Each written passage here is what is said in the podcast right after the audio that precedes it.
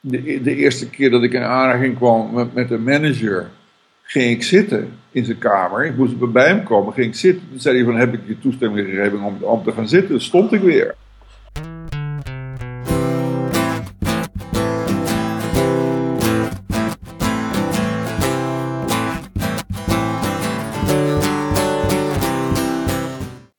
Hoi, dit is de Jong Podcast.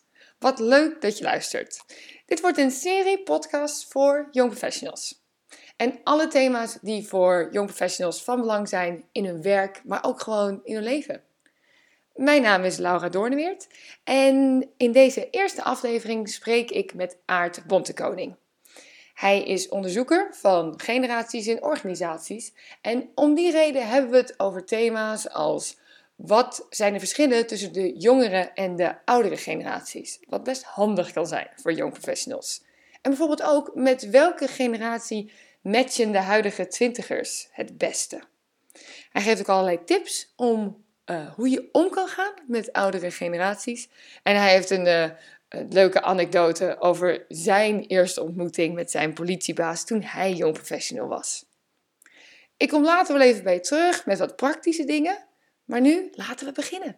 Hier is het interview met Aart Bontekoning. Iets wat in de 90 en 80 jaar nog hartstikke vers was en energie opwekte bij mensen. Zo rond 2000 begon dat energie weg te nemen. En dat merken jongeren. Zoals? Noem eens wat. Nou ja, uh, um, de, de top 5 op dit moment oh, in al die organisaties van grote energiewegnemers. Nummer 1 was top-down veranderen daar reageren jongeren al op. Die zeggen van ik wil mijn eigen werk uh, vormgeven en mijn werkomgeving zelf vormgeven samen met mijn collega's. Nummer twee is um, bureaucraat of uh, uh, manieren van vergaderen en, en besluitvormingsprocessen. Dan zeggen ze ach man, zitten er weer dertig mensen om tafel. Iedereen moet iets over zeggen. Dus ze zoeken. En als ik een jongere vraag van, een groepje jongeren vraag van hoe pak je dat dan aan, doen ze dat ook heel anders. Ze vragen niet het akkoord voor iedereen. Nou, ze zegt iedereen van dit is het idee. Wie kan hier het beste over meedenken? Nou, dan zijn er tien die zeggen dat kunnen wij wel. Nou, de rest kan wel weggaan. En die tien mensen die denken mee met die jongeren. Dat gaat vaak heel snel. Binnen een half uurtje leggen alle ideeën op tafel. Nou, dan zeg je dankjewel. Hier verbeter ik mijn idee meer. In plaats van dat je probeert een besluit te maken, op een te zetten iedereen zijn akkoord te krijgen, paraven te krijgen, bla bla bla. Is dat een, een andere manier? Uh, dus ik was bij nummer twee, manier van vergaderen en besluiten. Nummer drie zijn bureaucratische controlemechanismes. Dus allerlei lijstjes die ze in moeten vullen. Dan zeggen we, nou, ik heb geen idee waar het blijft, maar ik heb er mijn twijfels over. Nou, als je het onderzoekt, blijkt dat ook ergens te verdwijnen in mappen en zo. Of op, op, op, e-mapjes, waar niemand mee doet. En uh, en vier is, zijn meestal negatieve collega's. Dat klinkt gek, maar daar, als er al een generatiekloof is, dan is het tussen jongeren en verzuurde senioren. De koffie is te koud of te warm, de temperatuur is te hoog of te laag, de baas is te autoritair of te slap, of mankeert altijd wat aan. Dus die negativiteit, die, uh, zit er bij nummer 5, weet ik even niet meer. Eh, ik vraag me dan meteen af, zo, zo iemand, zo'n verzuurd iemand, heeft hij niet sowieso moeite met mensen om zich heen? Of is het contrast met de jongeren gewoon groter? Tuurlijk, maar jongeren reageren wat anders op. Die, die, die, die, die hebben de neiging om te vragen, goh, of die hebben de neiging om het gewoon te zeggen. Dat is supergoed. En die ervaren generatie hebben zo, eh, eh, wat doet Kees? Vraagt er iemand. Ja, is een beetje verzuurd. Later maar, hoeft nog maar twee jaar. Ja, dan zeg je, jongen, hè? Dan laat je het niet zomaar gebeuren. En die gaat tegen Kees vragen: Kees, hoe kan het nou? Dat je zo, zo, zo zuur doet. Helemaal niet, zegt Kees dan. Maar ja, komt hij thuis en dan zegt hij: Pak nou mijn fiets ophangen? Een paar van die jongens zeggen dat ik verzuurd ben. Nou, zegt zijn vrouw: Dat wordt tijd dat iemand dat tegen je zegt. Nou, dan is het gesprek los. Niemand wil verzuurd zijn, natuurlijk. Dus die, ja spontane reacties van jongeren op dat soort situaties werken vaak ontwapenend en hartstikke goed. Dat hebben ze zelf niet in de gaten. Dat die spontaniteit en dat hele directe reageren, dat hun kracht is. Tegelijkertijd zijn organisaties dat niet gewend.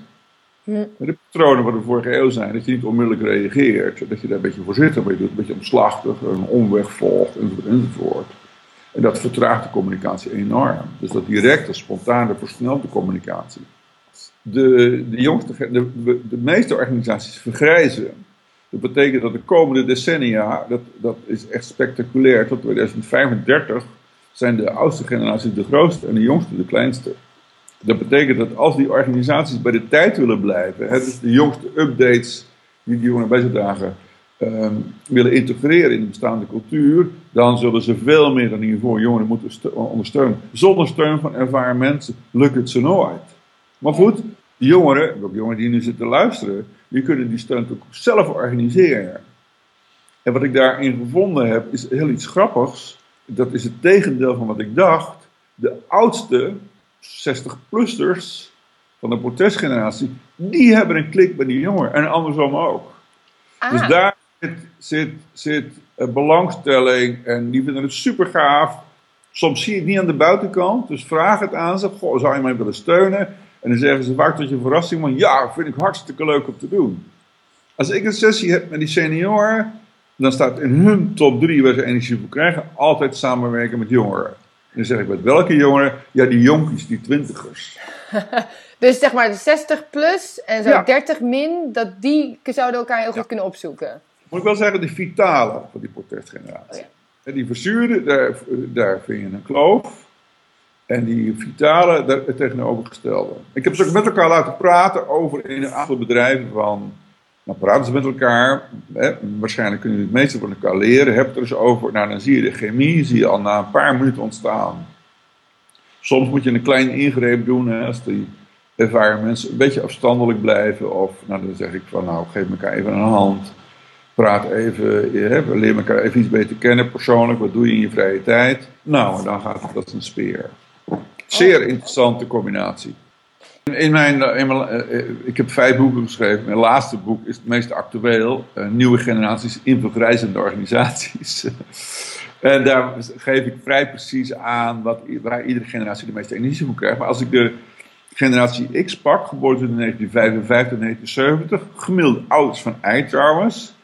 Die krijgen heel veel energie van eh, verbinden, samen doen, verschillen, benutten en dat soort zaken. En de pragmatische generatie, die ik dus binnen zag komen in die 90 jaar, geboren in 1970 en 1985, die lopen nu al een tijdje rond. Ja, die krijgen de meeste energie van recht op het doel af. Processen versnellen, het leren versnellen, kennis delen versnellen, vergaderen versnellen, besluitvorming versnellen. En dat kunnen ze ook, maar die hebben zich massaal aangepast aan de bestaande cultuur. Dus die, als ik soms vraag, hoeveel uur per week zit je in een vergadering waar je al na een paar minuten denkt van, daar gaat hij weer. Nou, dan zeggen ze soms eh 9 uur per week of zoiets. En hoe lang werk je al? 15 jaar. Dus 15 jaar, 9 uur per week. Hoeveel uren zit je daar al niet energie te verspillen? Nou, daar schrik ik dus kapot van. Ja. Eh, maar goed, die beginnen nu wakker te worden en zich ook wel eh, te herpakken. Dus ik zie wel inmiddels dat ze een beetje loskomen en zich bevrijden uit die, uit die verouderde trekken. En zeggen, ja, daar ben ik wel echt klaar mee. Huppakee, snelheid maken. Zoals beloofd was ik daar weer even, namelijk om je te wijzen op de website young-sn.nl. Daar staan namelijk de show notes met alle links naar de filmpjes en artikelen waar Aart het in dit interview over heeft. Dus als je meer wilt zien en meer wilt lezen, ga naar de website, dat is www.young-sn, een tweepoot.nl. Gemiddeld genomen de ouders van eh, die generatie I, eh dat zijn de vijftigers, tussen de 45 en de 60 zijn die, geboren in 1955 en 1970. Die vragen vaak aan mij, wat moeten we doen om aantrekkelijker te worden voor I? Mhm. Dat is lachen, en kom ik daar en denk, hè? Die ouders, die ouders zitten in de zaal, die hebben die generatie thuis zitten en die vragen mij om te vertellen hoe die generatie is. Dan lach ik me kapot. Ik denk, eerst dacht ik van nou, die kennen ze dus niet. Ik zeg, kom eens even naar voren, praat eens even over jullie kinderen, wat valt je op? Nou, het record is eh, 45 seconden. Dan noemen ze precies de dingen die ik ook vind. Ik zeg, die kent ze dus wel. Nou, vraag 2 is, Ik denk, misschien weten ze niet wat ze met die kennis moeten doen. Dus willen jullie nu zeggen wat je vooral wel moet doen en vooral niet moet doen om die generatie optimaal te ondersteunen in een, in een ontwikkeling, professionele ontwikkeling, persoonlijke ontwikkeling. Nou, binnen een minuut is het goede spoor. Gelijkwaardig zeggen ze dan, je moet ze wel de ruimte geven. Je moet ze steunen om de dingen zo aan te pakken zoals ze het zelf willen doen. Dat moet je niet voorschrijven. En Hmm. ik, dus je weet wat je moet doen. Ik denk, ik dan, dan vraag drie is, maar doe je dat ook? Ja, ja, ja. Ja, dat is toch een organisatie. Hoezo? Ja, daar hoort toch hiërarchie bij. En een beetje formeel. En je kunt niet alles, eh, niet overal open over zijn. Hè, dat soort opmerkingen. Zeg ik, stel je voor dat je thuis wat hiërarchisch en formeel gaat doen. Wat gebeurt er dan? Ja, ik ben tegen lazer in de tent. Ik zeg precies, dat heb je nu ook. Omdat je dat doet. Dus jullie knippen zelf de verbinding door. Onderweg van thuis naar het werk. Als je op het werk net zo zou doen als thuis, zoals je het net schetst, is top. Voor alle generaties. Want eigen tijdse manier om samenwerken en leiding geven, krijgen alle generaties energie van. Dus versterk wat je thuis doet in het werk. Nou, dat gaat niet vanzelf. Durven ze niet. Ja. Dus ik ben nu aan het nadenken over ondersteuningsprogramma's voor die ouders. Om op het thuis net zo eigen tijd samen te werken, te communiceren en te leiden als thuis. Dat is lachen. Ja, ja, en, Ja. en ook veel meer, want dat is natuurlijk iets wat zo typisch is voor de, de, de jongere generatie, is dat inderdaad werk en privé zit veel dichter bij elkaar. Ja. Dus die, de, de, je bent vrienden met je collega's en je praat met je vrienden over werk en Vrienden met hun ouders. vrienden met je ouders. Precies, Ja. dus dan is inderdaad dat hele dat privé stukje op het, op het werk plakken iets wat de oude generatie moeilijker vindt en de nieuwe generatie het gewoon veel meer door elkaar ziet. Ja, de ouderen vinden het niet moeilijk, want thuis doen ze het zo. Oh ja, ja. Moeilijk om Nee, die niet. pas- Ja. Die hebben zich aangepast aan een manier van leiding geven uit de vorige eeuw, zou ik maar zeggen, van die vorige generatie. Daar zit het aanpassingsgedrag van de tussenliggende generaties. Dus de, er is veel winst te boeken via die generatie in het updaten van het leidinggeven. We hebben alle generaties er behoefte aan. Als ze dat doen, ontstaat er onmiddellijk een klik met de jongeren die binnenkomen. Hoe ehm, was jij toen je net begon met eh, werken? Maar ik begon al heel vroeg, op mijn negentiende. Oh. En toen liep ik op straat bij de politie, echt in de basis begonnen. En toen dacht ik al heel snel van, ik wil wel wil meer invloed hebben. En toen werkten wij samen in bonden, politiebonden. Dus toen heb ik wel in netwerken van die bonden om werkoverleg in te voeren bijvoorbeeld. Dat was er toen helemaal niet. En wat nu geüpdate moet worden, hebben we toen ontwikkeld. Ja, zo Oh. gaat dat. Ah, En dat heeft jaren geduurd voordat dat echt een beetje van de grond kwam. Eh, maar toen heb ik aan, ben ik eigenlijk pas gaan studeren, afgelopen in een politieacademie. En toen op mijn 29 was ik manager bij de politie in Gooien Verstreek. En toen ben ik eigenlijk gaan veranderen met mijn gezonde boerenverstand. En toen wilde ik er veel meer van weten, dus toen ben ik naar de universiteit gaan organisatiepsychologie gaan studeren. Ja, wat ik daar oppikte, kon ik de volgende dag toepassen in mijn werk. Dus zo heb ik aldoende geleerd hoe je veranderingsprocessen aan moet, pakken. En de cultuurverandering vond ik het, het, het lastigste en het meest interessante. Dus daar ben ik op doorgegaan. En toen kwam ik op die generaties terecht. En generaties zijn eigenlijk hoofdrolspelers in het bij de tijd houden van de eigen cultuur. Van de maatschappij. Om, eh, en dat, dat komt voort uit het overlevingsinstinct. ja. En toen jij eh, begon in die eerste, laten we zeggen, tien jaar, had je toen bijvoorbeeld ook, ehm, waren de jonge mensen van de politie toen ook verenigd op de een of andere manier? Of vonden jullie elkaar? Via vakbonden. Oké, De beste jongeren, ja, dat is grappig. Nu gaan jongeren niet meer naar vakbonden Nee, toe. Omdat nee. ze blijven hangen in die patronen die de vorige eeuw nog fris waren. Maar ja, ja. Die, die houdbedacht al is al lang verstreken. Maar ik heb echt met vakbonden, hebben wij flink wat stappen gezet. Die groeiden ook toen enorm. Eh, want in die, in die organisaties, ja, dat was allemaal nog... waren best aardige mannen hoor, die aan de, aan de top zaten. Maar dat was hartstikke autoritair. De, de eerste keer dat ik in aanraking kwam met, met een manager, ging ik zitten in zijn kamer. Ik moest bij hem komen, ging ik zitten. Toen zei hij van, heb ik je toestemming gegeven om, om te gaan zitten? Toen stond ik weer. Toen zat hij in zijn papiertjes te rommelen en toen zei hij, je kunt gaan zitten. En toen zei hij iets, toen dacht ik van, dat klopt niet. Ik deed ik, ja, met mijn hand zo'n gebaar, dus heb ik iets gevraagd. Dus hield ik mijn mond. En toen, Oh. ik denk, hij is uitgesproken. Toen ging ik staan. Toen zei hij, heb ik gezegd dat je kon gaan staan, zat ik weer. Dat is iets waarvan je kunt gaan. Hartstikke aardige man, maar die, die denkt van ja, die, die jongen, die, die, die snothuis moet even leren dat ik de baas ben, dat hij moet luisteren. Nou ja, dat, daar hebben wij enorm op gereageerd met democratiseringsactiviteiten, werkoverleg. Ja. Dus, uh, en, en nu, zie je, nu zie je die jongste generatie, die reageert op heel iets anders, namelijk top-down veranderen. Dus zo gaat dat. Iedere nieuwe generatie reageert op een ander onderdeel van de cultuur, namelijk wat er op dat moment verouderd is. Ja. Even ja. kort door nog gezegd. Want het ontstaat, die cultuurverandering ontstaat eigenlijk in het gezin. In, in gezinnen ontstaan nieuwe manieren van communiceren. Mhm. Dus de meeste gezinnen in Nederland, we hebben topouders, de Nederlandse kinderen zijn de gelukkigste van de wereld. Dus de meeste gezinnen in Nederland zijn veel eigen tijdse dan de meeste organisaties. Dus als je wil weten hoe je de dingen moet doen, nou, gebruik, gebruik een gezin, een jonge gezin, maar als inspiratiebron. Dan kom je een heel eind. is een totaal andere manier van kijken.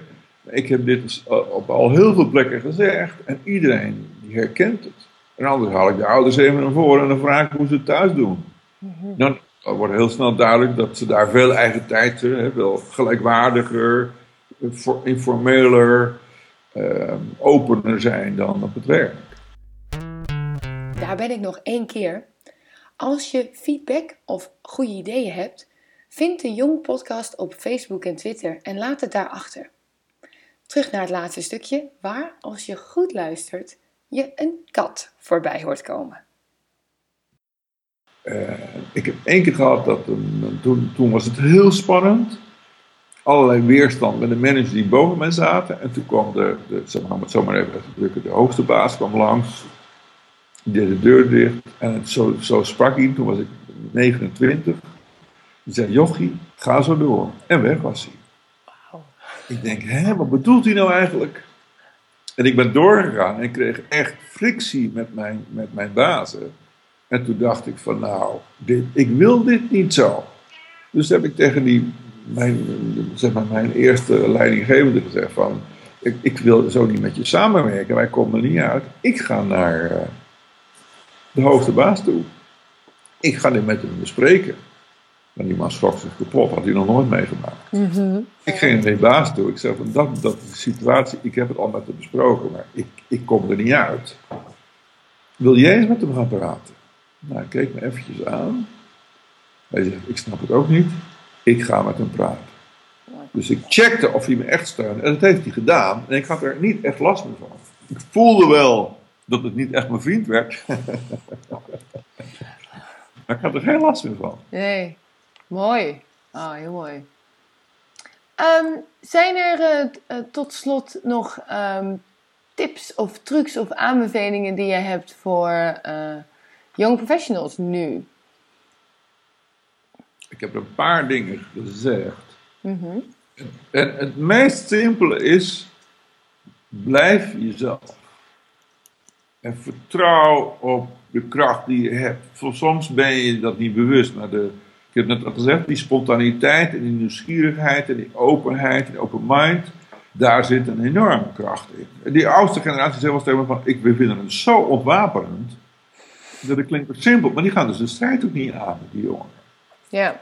En, en uh, als je niet goed weet waar je kracht zit, ga dan met een paar generatiegenoten even op tafel zitten en maak samen een top 5 waar jullie de meeste energie voor krijgen. En waar je de meeste energie voor krijgt, die top 5, daar zit je kracht. En dat heeft de organisatie nodig om bij de tijd te blijven. Dus vertrouw daar maar op. Het ligt niet aan jullie dat je gefrustreerd raakt. En uh, nee, dat komt omdat die ervaringen zeggen, nou ja, zo gaat het nu hier eenmaal. Die, die moeten echt wakker gemaakt worden. Het belang stijgt boven jullie zelf uit om die updates te creëren. Dus haal het onderste uit de kast om uh, steun te organiseren. Om het om echt op jullie manier te doen. Maar als je het gevoel hebt van, nou man, ik heb, het lijkt wel alsof ik een dood paard ligt te trekken. Ja, wegwezen. Zoek een andere plek. Als je het kunt veroorloven. maar toe. Nou, dat, dat is heel mooi gezegd. Heel fijn. Um, Aard, als mensen meer over jou willen weten en het uh, werk wat je doet, waar kunnen ze je vinden? Uh, www.aardbontekoning.com, dat is mijn website. Daar vind je artikelen, daar vind je de generatietheorie die ik ontwikkeld heb. Daar vind je mijn boeken uh, enzovoort. Uh, en in die artikelen staan natuurlijk ook wat tips en zo. Dus daar kunnen ze ook, en mijn beschrijving kunnen ze vinden wie ik ben. Fantastisch. Aart, hartstikke bedankt. Hele fijne dag nog. Dank je. Dit was hem dan. Aflevering 1 van de Jong Podcast.